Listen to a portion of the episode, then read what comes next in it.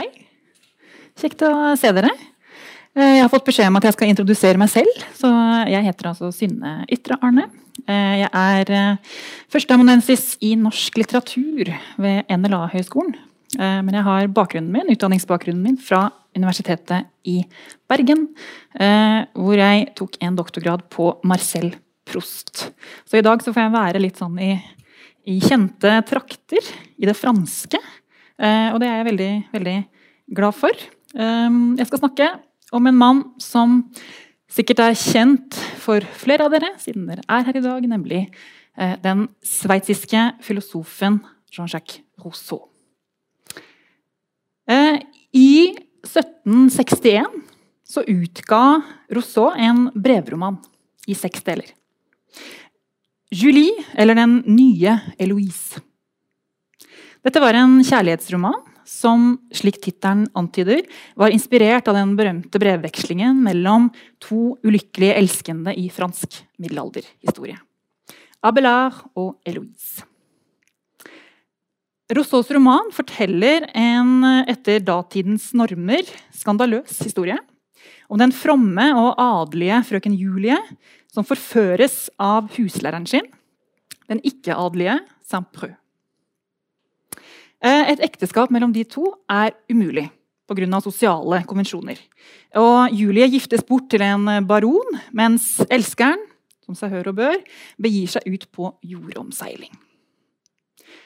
Julie, eller Den nye Eloise, er en historie om ulykkelig lidenskap. Om individer som opplever sterke konflikter mellom pliktfølelse og moral. Eh, erotikk og lidenskap. Eh, og en roman der Rousseau prøver ut mange av de tankene om barneoppdragelse og om samfunnsorganisering som han senere skal utvikle i mer teoretiske arbeider. Emil eller om oppdragelse og om samfunnspakten. Dette er også et verk som peker framover mot den delen av forfatterskapet som vi skal se nærmere på i dag. Nemlig Rousseaus botaniske skrifter. Og mer presist mot de refleksjonene om blikk og om moral som går som et ledemotiv gjennom svært mye av det Rousseau skriver om botanikk. I romanens fjerde bok møtes de to elskende igjen. Julie bor nå med mann og barn på godset Clara, dit Saint-Preux kommer på besøk. I det ellevte brevet i denne delen av romanen forteller Saint-Preux om eh, besøkende i Julies innhegnede hage, Elysium. Første gang han får slippe inn i denne hagen, mener han seg hensatt til naturens villeste, mest livsforlatte sted. Saint-Preux ser ikke et spor av menneskelig arbeid noe sted. Det syntes meg, skriver han, som om jeg var det første mennesket som noen gang hadde trengt inn i denne ødemarken. Julie korrigerer dette inntrykket. Det er sant, sa hun, at naturen har gjort alt. Men under min ledelse. Og det finnes intet her som ikke jeg har lagt til rette for. I Elysium har Julie lyktes med å skape en slags kunstig ødemark. Som ikke bærer det minste spor av kultivering eller menneskelig inngripen. Ikke desto mindre er det ville og naturlige ved det landskapet som omgir dem, en illusjon. Men en nødvendig illusjon. For uten den ville ikke stedet ha virket på betrakteren slik naturen kan. Rousseau var som kjent svært opptatt av den virkningen som møtet med naturen kunne ha på mennesket. I dette møtet fant han noe helsebringende noe sjelelig sett vitalt, som han helst ikke ville klare seg uten. Jeg skal vende tilbake til akkurat det om litt. Men først, altså. Elysium. Denne hagen skjønner vi, var tidligere et tørt og goldt sted. Uten vann, uten skygge og med få og lite vitale vekster. Dette er i seg selv ikke underlig.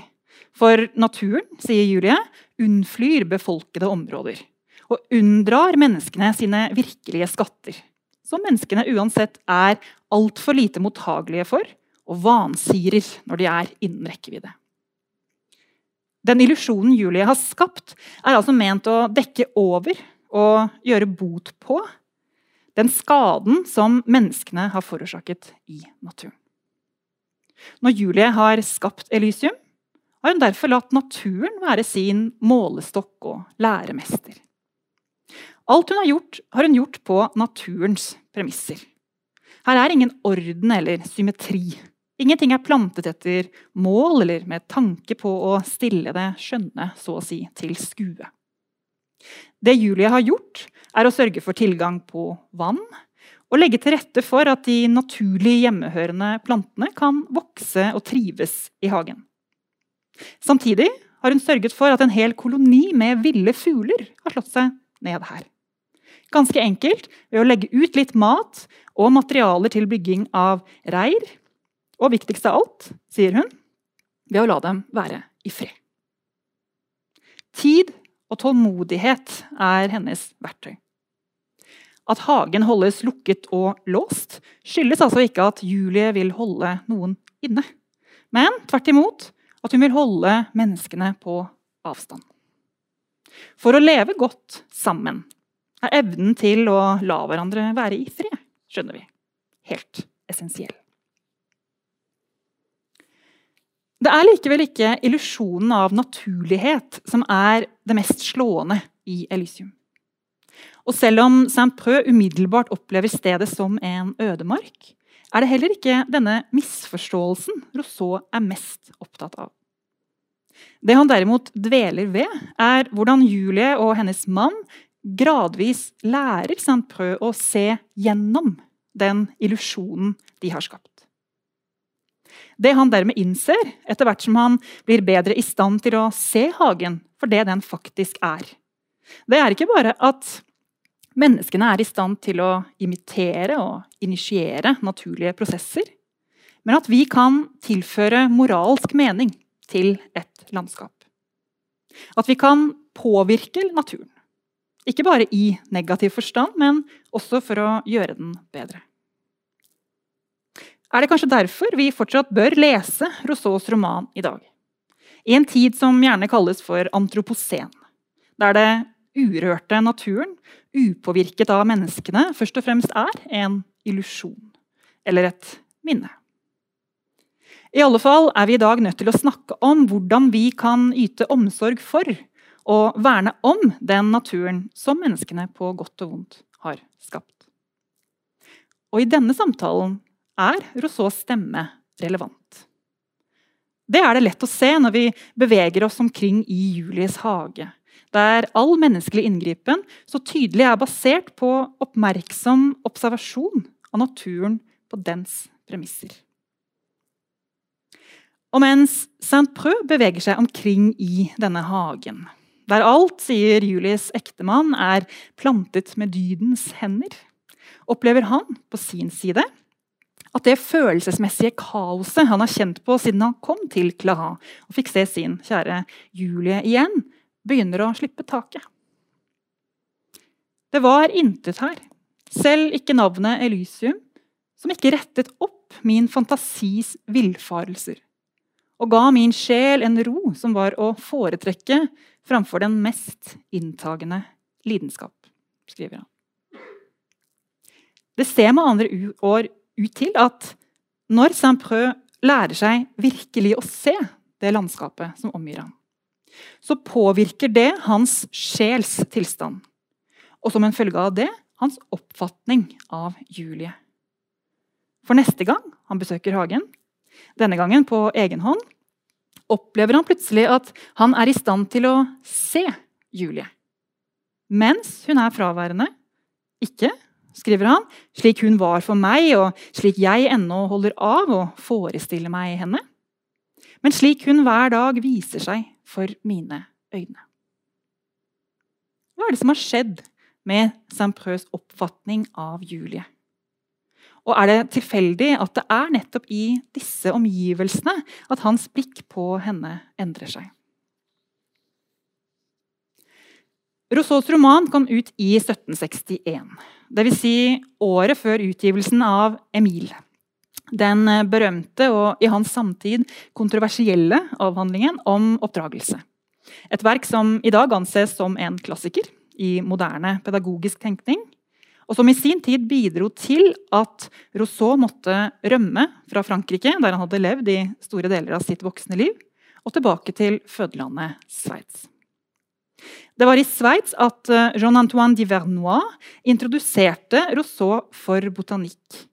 En hobby og vitenskap som skulle oppta han stort de siste 15 årene av hans liv. Allikevel, selv om romanen om Julie ble skrevet forut for hans introduksjon til botanikken, framstår det som uomtvistelig at romanteksten peker fram mot de botaniske skriftene.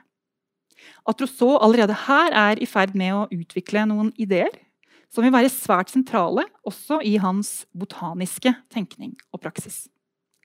Ikke minst fordi han her stiller noen spørsmål om hva det vil si å se godt, som vil være svært viktig for ham i den delen av forfatterskapet som vies til botanikken.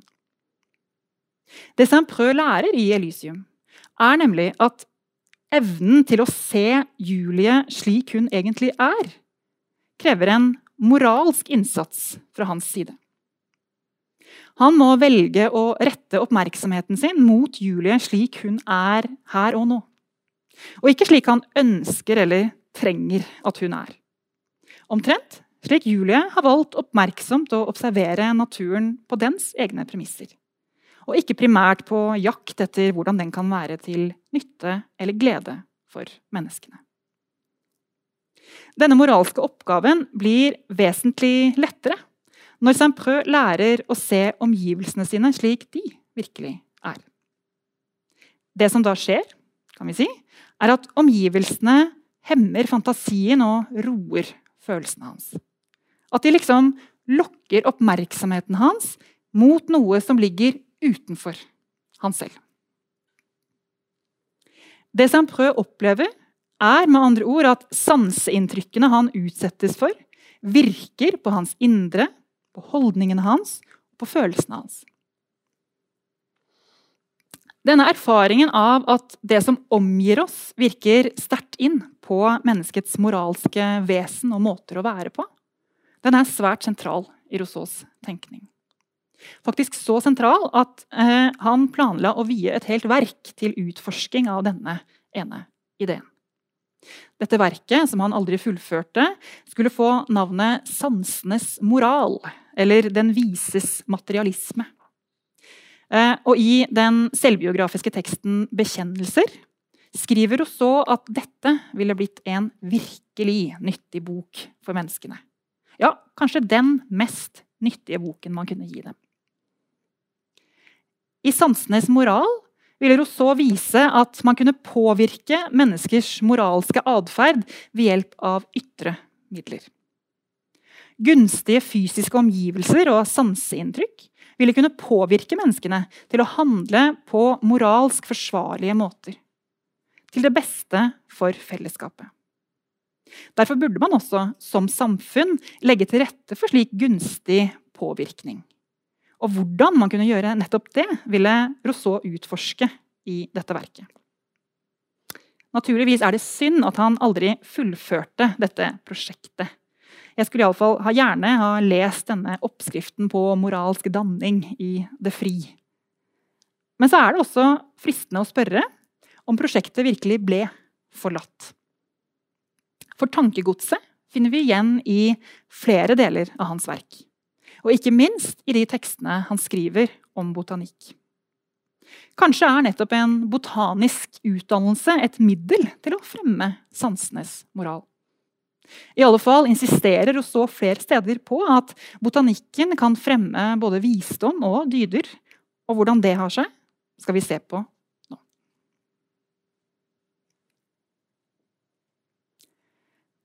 Planteverdenen har interessert mange filosofer i den vestlige tradisjonen.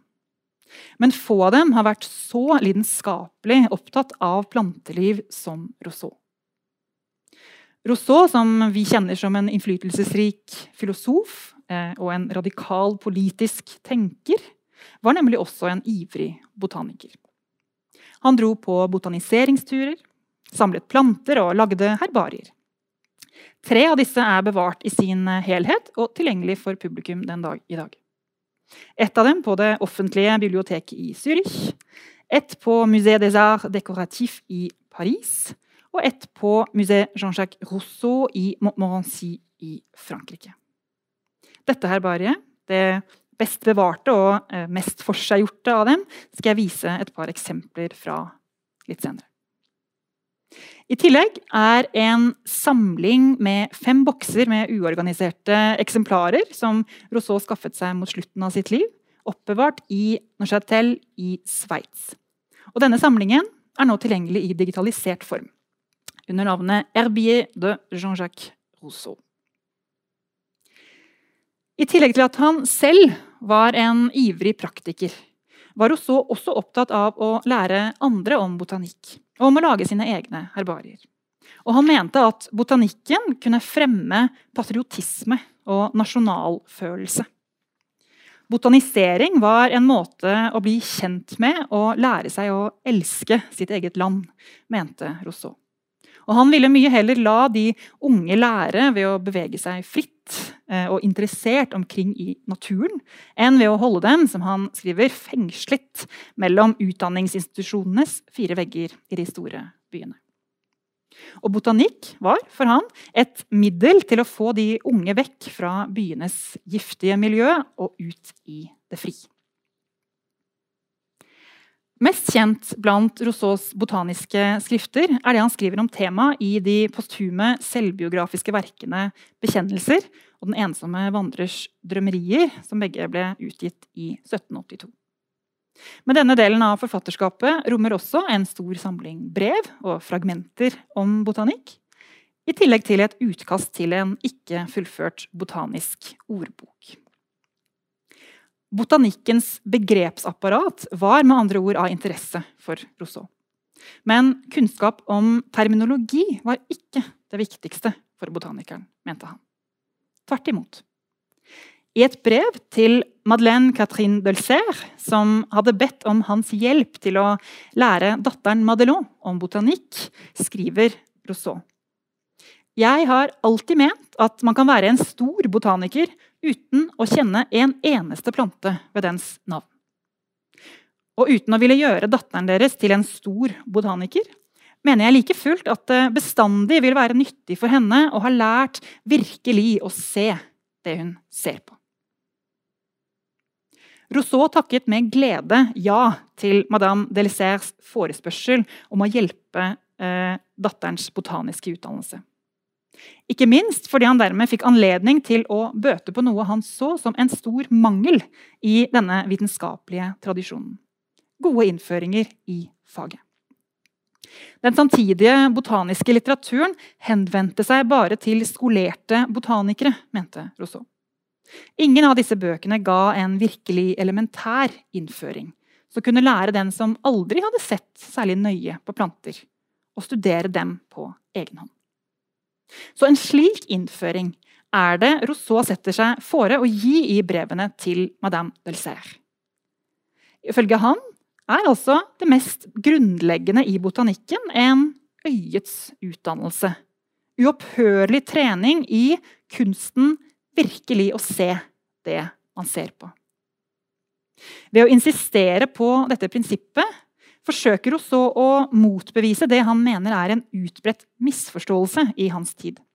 At botanikken er en ordvitenskap som bare øver hukommelsen og lærer oss å navngi planter. Tvert imot mener Rousseau at det er Madelons sanser som må trenes. Før vi lærer dem å navngi det de ser, la oss begynne med å lære dem å se det. Denne vitenskapen glemt i alle utdannelser, bør utgjøre den viktigste delen av deres. Det er lett å høre ekkoet av Emil i det Rousseau skriver til Madame Delcerre. Og vi forstår at hans insistering på viktigheten av først og fremst å trene sansene er ment som et stikk til hans tids pedagoger. For å lære å tenke må vi trene våre lemmer, våre sanser og våre organer, som er instrumentene for vår intelligens, skriver han i Emil.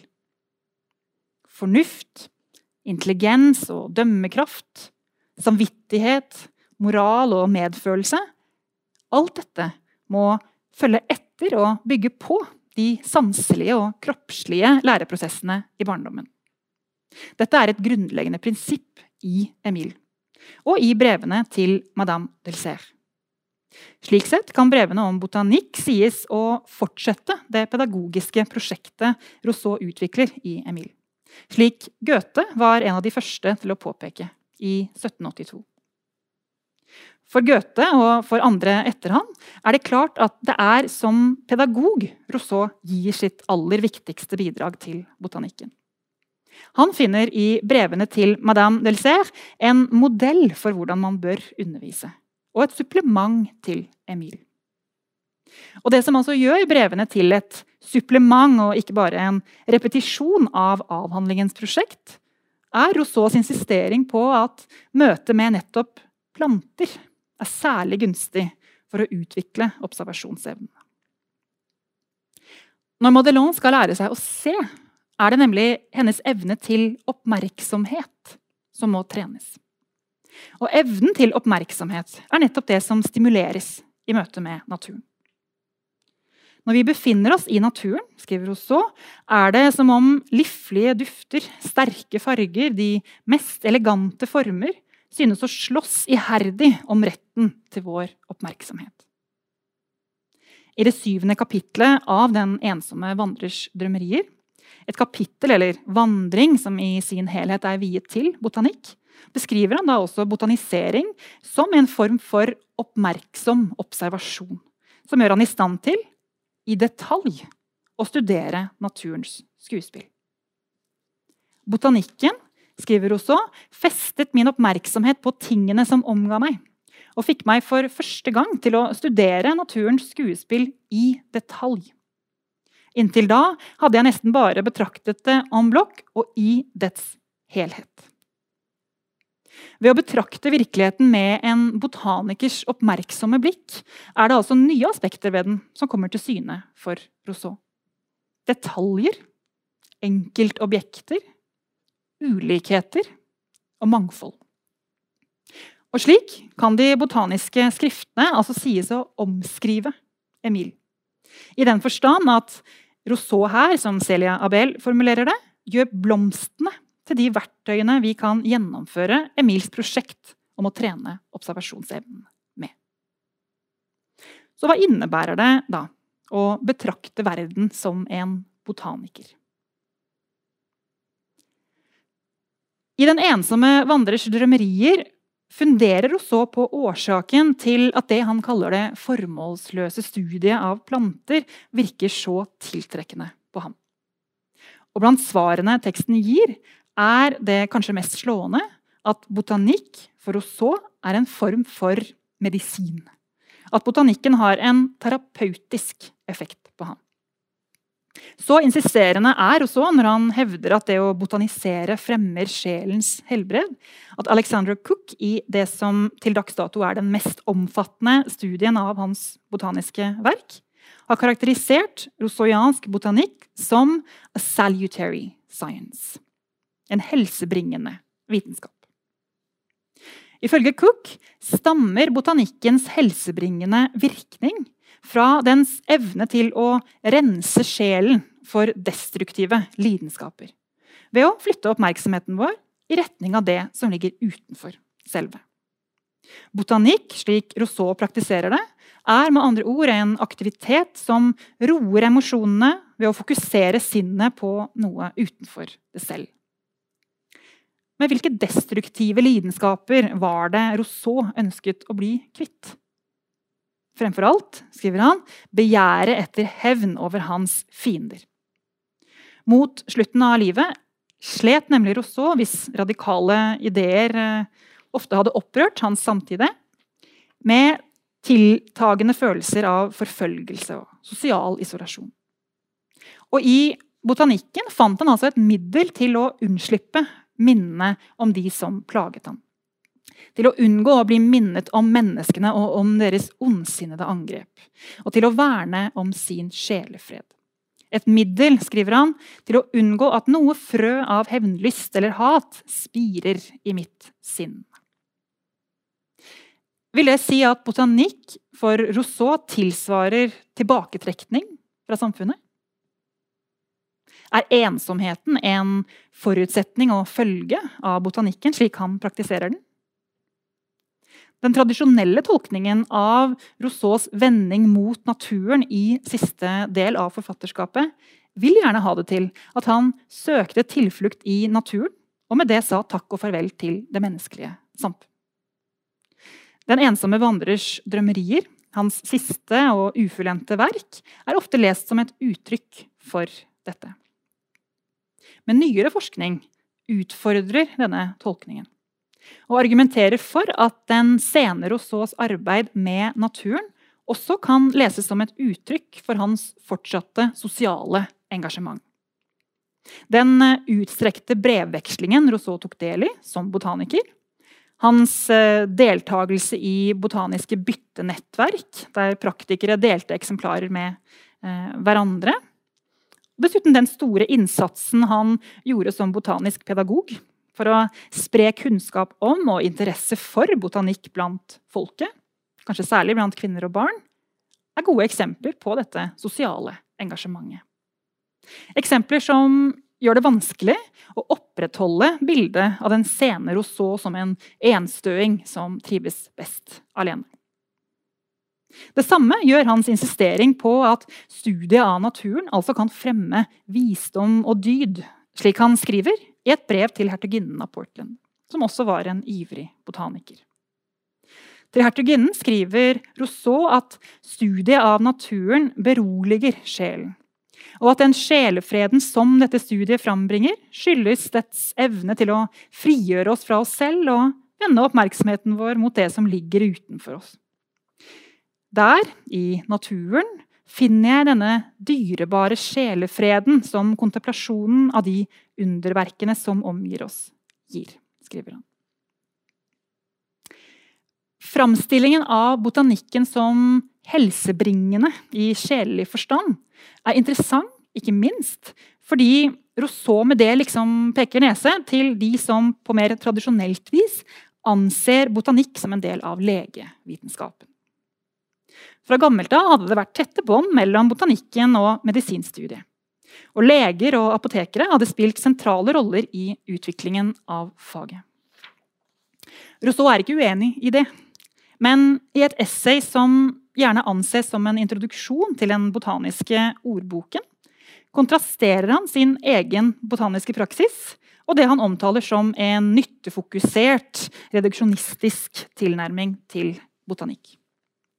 Det største problemet for botanikken, mente han, er at den har vært ansett som en del av legevitenskapen. Som en følge av det skriver han, har menneskene bare vært opptatt av å finne det nyttige ved plantene. Samtidig som de har neglisjert kjennskapen til plantene i seg selv. Faren for neglisjering og viktigheten av å studere plantene i seg selv er et tema Rousseau ofte vender tilbake til. Ikke minst i Den ensomme vandrers drømmerier, der han fordømmer viljen til å utnytte naturen for farmasøytiske formål.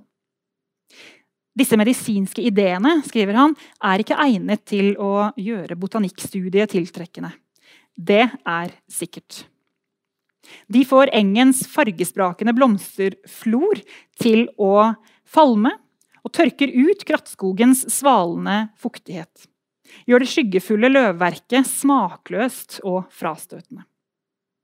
Med andre ord å studere en plante som lege eller apoteker er å studere den med blikk for dens nytteverdi. Og når vi ser planter primært som kilder til medisinske remedier, blir vi blinde for den skjønnheten som viser seg for oss.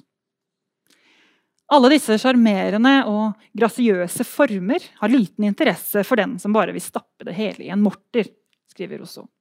Og man finner ikke blomsteranker til hyrdinnene blant urter til klysterbruk. Studiet av naturen har altså ikke uten videre evne til å lære oss å se. Det kan også gjøre oss blinde hvis vi ikke har den rette holdningen til det vi betrakter. En holdning Rousseau beskriver som ren og interesseløs kontemplasjon. For virkelig å kunne se er det å kunne sette sine egne interesser til side helt avgjørende. Og Rousseau fordømmer på det sterkeste dem som gir seg i kast med plantestudier, primært med blikk for egennytte og forfengelighet. For å tjene penger, for å bli forfatter eller professor. Kun når vi drives av et ønske om å kjenne plantene slik de er i seg selv, kan botanikken lede oss henimot et mer moralsk liv. Ved altså å renske sjelen for destruktive lidenskaper og hjelpe oss til i mindre grad å fokusere på egne lengsler og behov.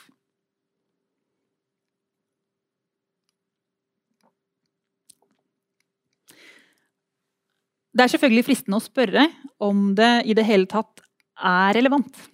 I en verden som vår, der naturen er utnyttet til bristepunktet, å snakke om hva som kan oppnås ved å betrakte naturen med et interesseløst blikk. Rousseau skriver under andre historiske forutsetninger enn våre. Men den oppfordringen om et fundamentalt perspektivskifte som han kommer med, berører også oss. Den menneskesentrerte nyttetenkningen er et problem, sier han. Fordi vi mister naturen av syne, men også fordi det er skadelig for oss selv. Selve vår sjel står på spill når nytteverdi er alt det som teller. Ikke bare fordi vi blir blinde for den skjønnheten som omgir oss, men fordi vi mister evnen til å elske. Å studere naturen som en botaniker, skriver Rousseau, vil nemlig si å studere den bare for å finne stadig nye grunner til å elske den. For han er botanikkens mulighet til å styrke vårt emosjonelle forhold til naturen det viktigste. Og la oss vite hvordan vi elsker naturen.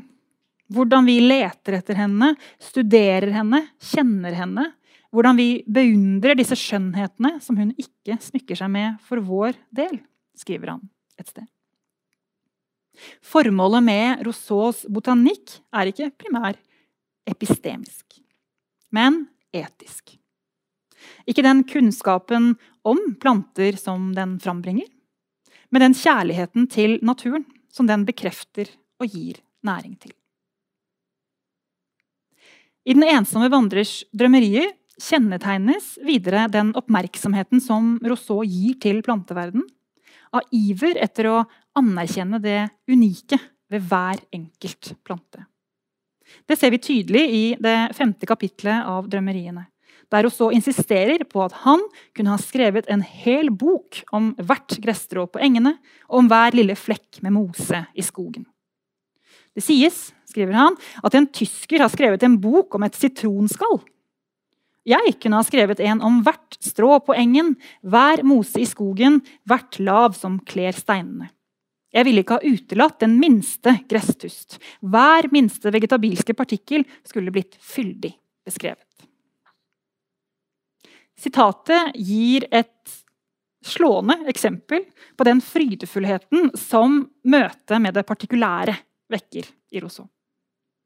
For den botanofiles forelskede blikk går ingen plante eller plantedel tapt. For det å elske planteverdenen er å anerkjenne at absolutt ingen planter er like. Rousseau diskriminerer heller ikke. Han er like opptatt av ugress og mose som av vakre blomster.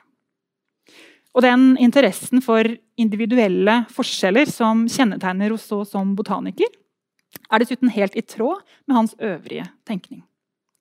Også når han skriver om samfunnet, eh, er han mest opptatt av hvordan vi kan skape sosiale fellesskap som bedre ivaretar individets behov. At fascinasjonen for det individuelle er grunnleggende for botanikeren Rousseau, kommer tydelig fram i beskrivelsen av et av hans herbarier i Den ensomme vandrers drømmerier. Alle mine botaniseringsturer Inntrykkene fra voksestedene til de plantene som fanget min interesse, tankene de ga støtet til, hendelsene i forbindelse med innsamlingen. Alt sammen etterlot seg inntrykk hos meg som dukker opp på ny når jeg ser på de pressede plantene fra disse stedene. Jeg får aldri se igjen disse vakre landskapene. Disse skogene, sjøene, lundene, klippene og disse fjellene som alltid har beveget mitt hjerte. Men nå da jeg ikke lenger kan streife om i dette lykkelandet, trenger jeg bare å åpne mitt herbarium. Og straks bringer det meg dit. De plantedelene jeg samlet der, er nok til å kalle hele det vakre synet tilbake til meg. Dette herbariet er for meg en dagbok over mine botaniseringsturer, som lar meg gå dem på ny, med en ny glede. Det virker som et kamera optica som lar meg gjenoppleve dem når som helst. Hensikten med det herbariet Rousseau beskriver, er i alle fall ikke å være en systematisk katalog over planteverdenen. Når han studerer herbariet, er det snarere slik at han på ny får besøke ikke bare de stedene der han plukket hver av plantene, men også alle de ideene og inntrykkene som han assosierer med minnet om innsamlingen. Disse plantene er ikke tilfeldige eksempler på en art, men unike vesener for bestandig knyttet til minnet om ett spesielt tidspunkt, ett spesielt sted og ett spesielt møte. Minner som altså vekkes til live når han blar gjennom herbariet. Som på sett og vis virker som et kamera optica som lar han gjenoppleve botaniseringsturene når som helst. Hver plantes eh, individualitet kommer dessuten også fram i det visuelle uttrykket som preger Rousseaus herbarier. Som de eh, eksemplene dere ser på skjermen illustrerer, veide hensynet til det estetiske tungt for Rousseau som eh, botaniker. De tynne, røde linjene som liksom rammer inn plantene, er f.eks. gjennomgående i Delisère-herbariet, som Rousseau lagde til mor og datter Delisère. Som en fortsettelse altså på den botaniske utdannelsen han hadde gitt dem i brevform. Uh, Delisère-herbariet, uh, som dere ser eksempler på her, er et veldig vakkert og dessuten veldig godt bevart uh, herbarium. Men vi kan si at selv om de røde linjene liksom forsterker det kunstige og konstruerte, altså det kunstferdige ved herbariet, så bidrar det i grunnen samtidig til at det individuelle ved hver plante blir understreket. Fordi det gjør det tydelig sant, hvordan hver av plantene må finne sin egen vei for å eh, passe inn i den faste rammen som arket og det røde rektangelet utgjør. Noen av de finner, som vi ser på skjermen, heller ikke helt plass innenfor rammen. Paradoksalt nok bidrar altså det tilgjorte ved herbariet til at det som er unikt og annerledes ved det naturlige objektet, blir enda mer slående og enda mer synlig enn det kanskje ellers ville vært.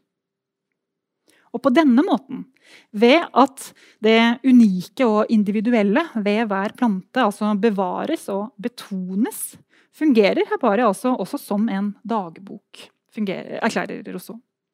Som en dagbok som gjør det mulig for han å oppleve fortiden på ny. Omtrent slik de drømmeriene han beskriver, gjør det mulig for han å dokumentere og opprette kontakt med hans tidligere selv. Det er kjeden av forestillinger som knytter seg til den, som gjør meg så glad i botanikken. skriver han videre. Engene, vannet, skogen, ensomheten og først og fremst freden og hvilen som man finner i naturen, gjenskapes av botanikken uten stans i mitt minne.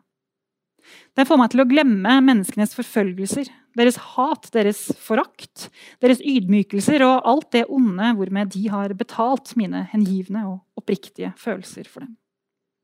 Den hensetter meg til fredelige boliger blant enkle og gode mennesker, som dem jeg levde blant i gamle dager. Den minner meg både om min ungdom og om mine uskyldige gleder. Den lar meg nyte dem igjen og gjør meg ofte lykkelig fremdeles selv om min skjebne er den tristeste noe menneske har lidd. Sitatet er vakkert. Det er en hyllest til botanikken som rommer mye av det Rousseau opplever som godt og helsebringende ved denne vitenskapen. Samtidig kan de poetiske beskrivelsene av natur og herbarier i drømmeriene få oss til å undre. Er det nå egentlig natur han beskriver og hyller? Eller handler dette først og fremst om han selv? Om han som kjenner etter? Er det naturen i seg selv han er opptatt av? Eller den inspirasjonen han kjenner i møte med naturen? Og hvis det er dette siste, kan vi da si at det er plantene Rousseau betrakter i herbariet? At Rousseaus svermeriske skildringer av naturen, slik Henning Hagerup skriver, peker fram mot romantikernes natursyn og den tendensen til å eh, favorisere den menneskelige forestillings- og skaperkraften på bekostning av naturen, som vi finner hos noen av dem, er klart. Rousseau er poeten som lar seg beruse og begeistre av naturens skjønnhet. Å erkjenne naturen er for han også å gi seg over til den tilstanden av inspirasjon som den hensetter han i. Det er å søke tilflukt på vakre og ensomme steder for å drømme seg bort. Men ikke bare det. Det som gjør Rousseaus skildringer av naturen så ansporende, er at de rommer så mange nyanser. Den samme stemmen som tillater seg å fly på fantasiens vinger over et landskap, husker i neste åndedrett å minne oss om det som går tapt når vi gir oss over til ekstasen.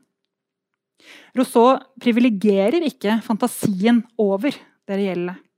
Han dyrker både naturen og det indre liv. Og gir oss både nøkterne og svermeriske beskrivelser av virkeligheten. Og så ulike disse enn er, har de alle likevel noe til felles. De hjelper oss med å se. Det gjør de både når de beskriver en plante eller et landskap som er tilgjengelig for oss alle, fysisk sett, og når de beskriver det som skjer i oss når vi åpner oss for naturen. De gjør det også når de peker på hvorfor vi noen ganger ikke ser. Det faktum at fantasien og følelsene våre noen ganger gjør det vanskelig for oss å se andre eksistenser, er et tema Rousseau vender tilbake til flere steder. Ikke minst i hans ordbok over botaniske termer. Det er f.eks. et sentralt tema i oppføringen blomst. Hvis jeg overga fantasien min til det velbehaget som dette ordet blomster vekker, ville jeg ha kunnet skrive en artikkel som antageligvis ville være til glede for hyrder, men svært dårlig for botanikere. La oss for et øyeblikk se bort ifra de livlige fargene, de deilige duftene, de elegante formene. For først og fremst å lære å kjenne det organiske vesenet som holder alt dette sammen, skriver Rousseau. Som Lisa Gasperon hevder, kan ordbokens hyrde leses som inkarnasjonen av en poet, og dermed av Rousseau selv som i Den ensomme vandrers drømmerier liksom gjentar hyrdens formel når han minnes hvordan naturens liflige dufter, sterke farger og mest elegante former synes å slåss om retten til vår oppmerksomhet. Men Rousseau er ikke bare en poet eller hyrde, men også botaniker. Og selv om han verken er villig eller i stand til fullt og helt å sette til side den poetiske stemmen og måten å erfare på, så er han bevisst på behovet for å holde fantasien i sjakk. I ordboken oppfordrer han da også botanikere til ikke å forestille seg noe som helst. Til å nærme seg planten på en viss avstand og med en viss tilbakeholdenhet. For ikke å miste den av syne. Det er den mellomposisjonen Rousseau innehar. Halvt hyrde og poet, halvt botaniker, som gjør hans refleksjoner over den innsatsen som kreves for virkelig å se, så engasjerende.